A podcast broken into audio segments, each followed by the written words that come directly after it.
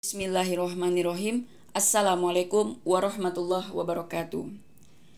Ini merupakan podcast pertama saya. Tak kenal maka tak aruf. Ya, suara saya mungkin gak asing lagi bagi orang yang kenal dekat dengan saya. Terus yang gak kenal gimana? Ya gak apa-apa, gak penting juga. Karena tujuan dari pembuatan podcast saya ini untuk dakwah. Sebagaimana Allah Subhanahu wa taala telah berfirman di dalam Quran surah Ali Imran ayat 104, dan hendaklah ada di antara kamu segolongan umat yang mengajak kepada kebaikan, menyuruh kepada yang ma'ruf, dan mencegah dari yang mungkar. Mereka lah orang-orang yang beruntung. Di dalam Quran Surah Al-Asr, Allah katakan, Saling nasihat dan menasihatilah engkau dalam kebajikan atau kebaikan. Dan Rasulullah Shallallahu Alaihi Wasallam bersabda, sampaikanlah dariku walau satu ayat. Nah, berdasarkan Al-Quran dan hadis tadilah, kenapa saya membuat podcast ini. Ya, podcast dakwah. Sabana Ranca. Nah, itu namanya. Orang Minang pasti tahu apa arti Sabana Ranca. Artinya, benar-benar bagus.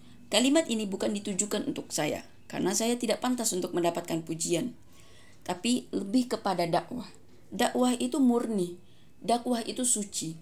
Karena hakikat dari dakwah itu sendiri ialah mengajak kepada kebaikan, mencegah kepada yang mungkar.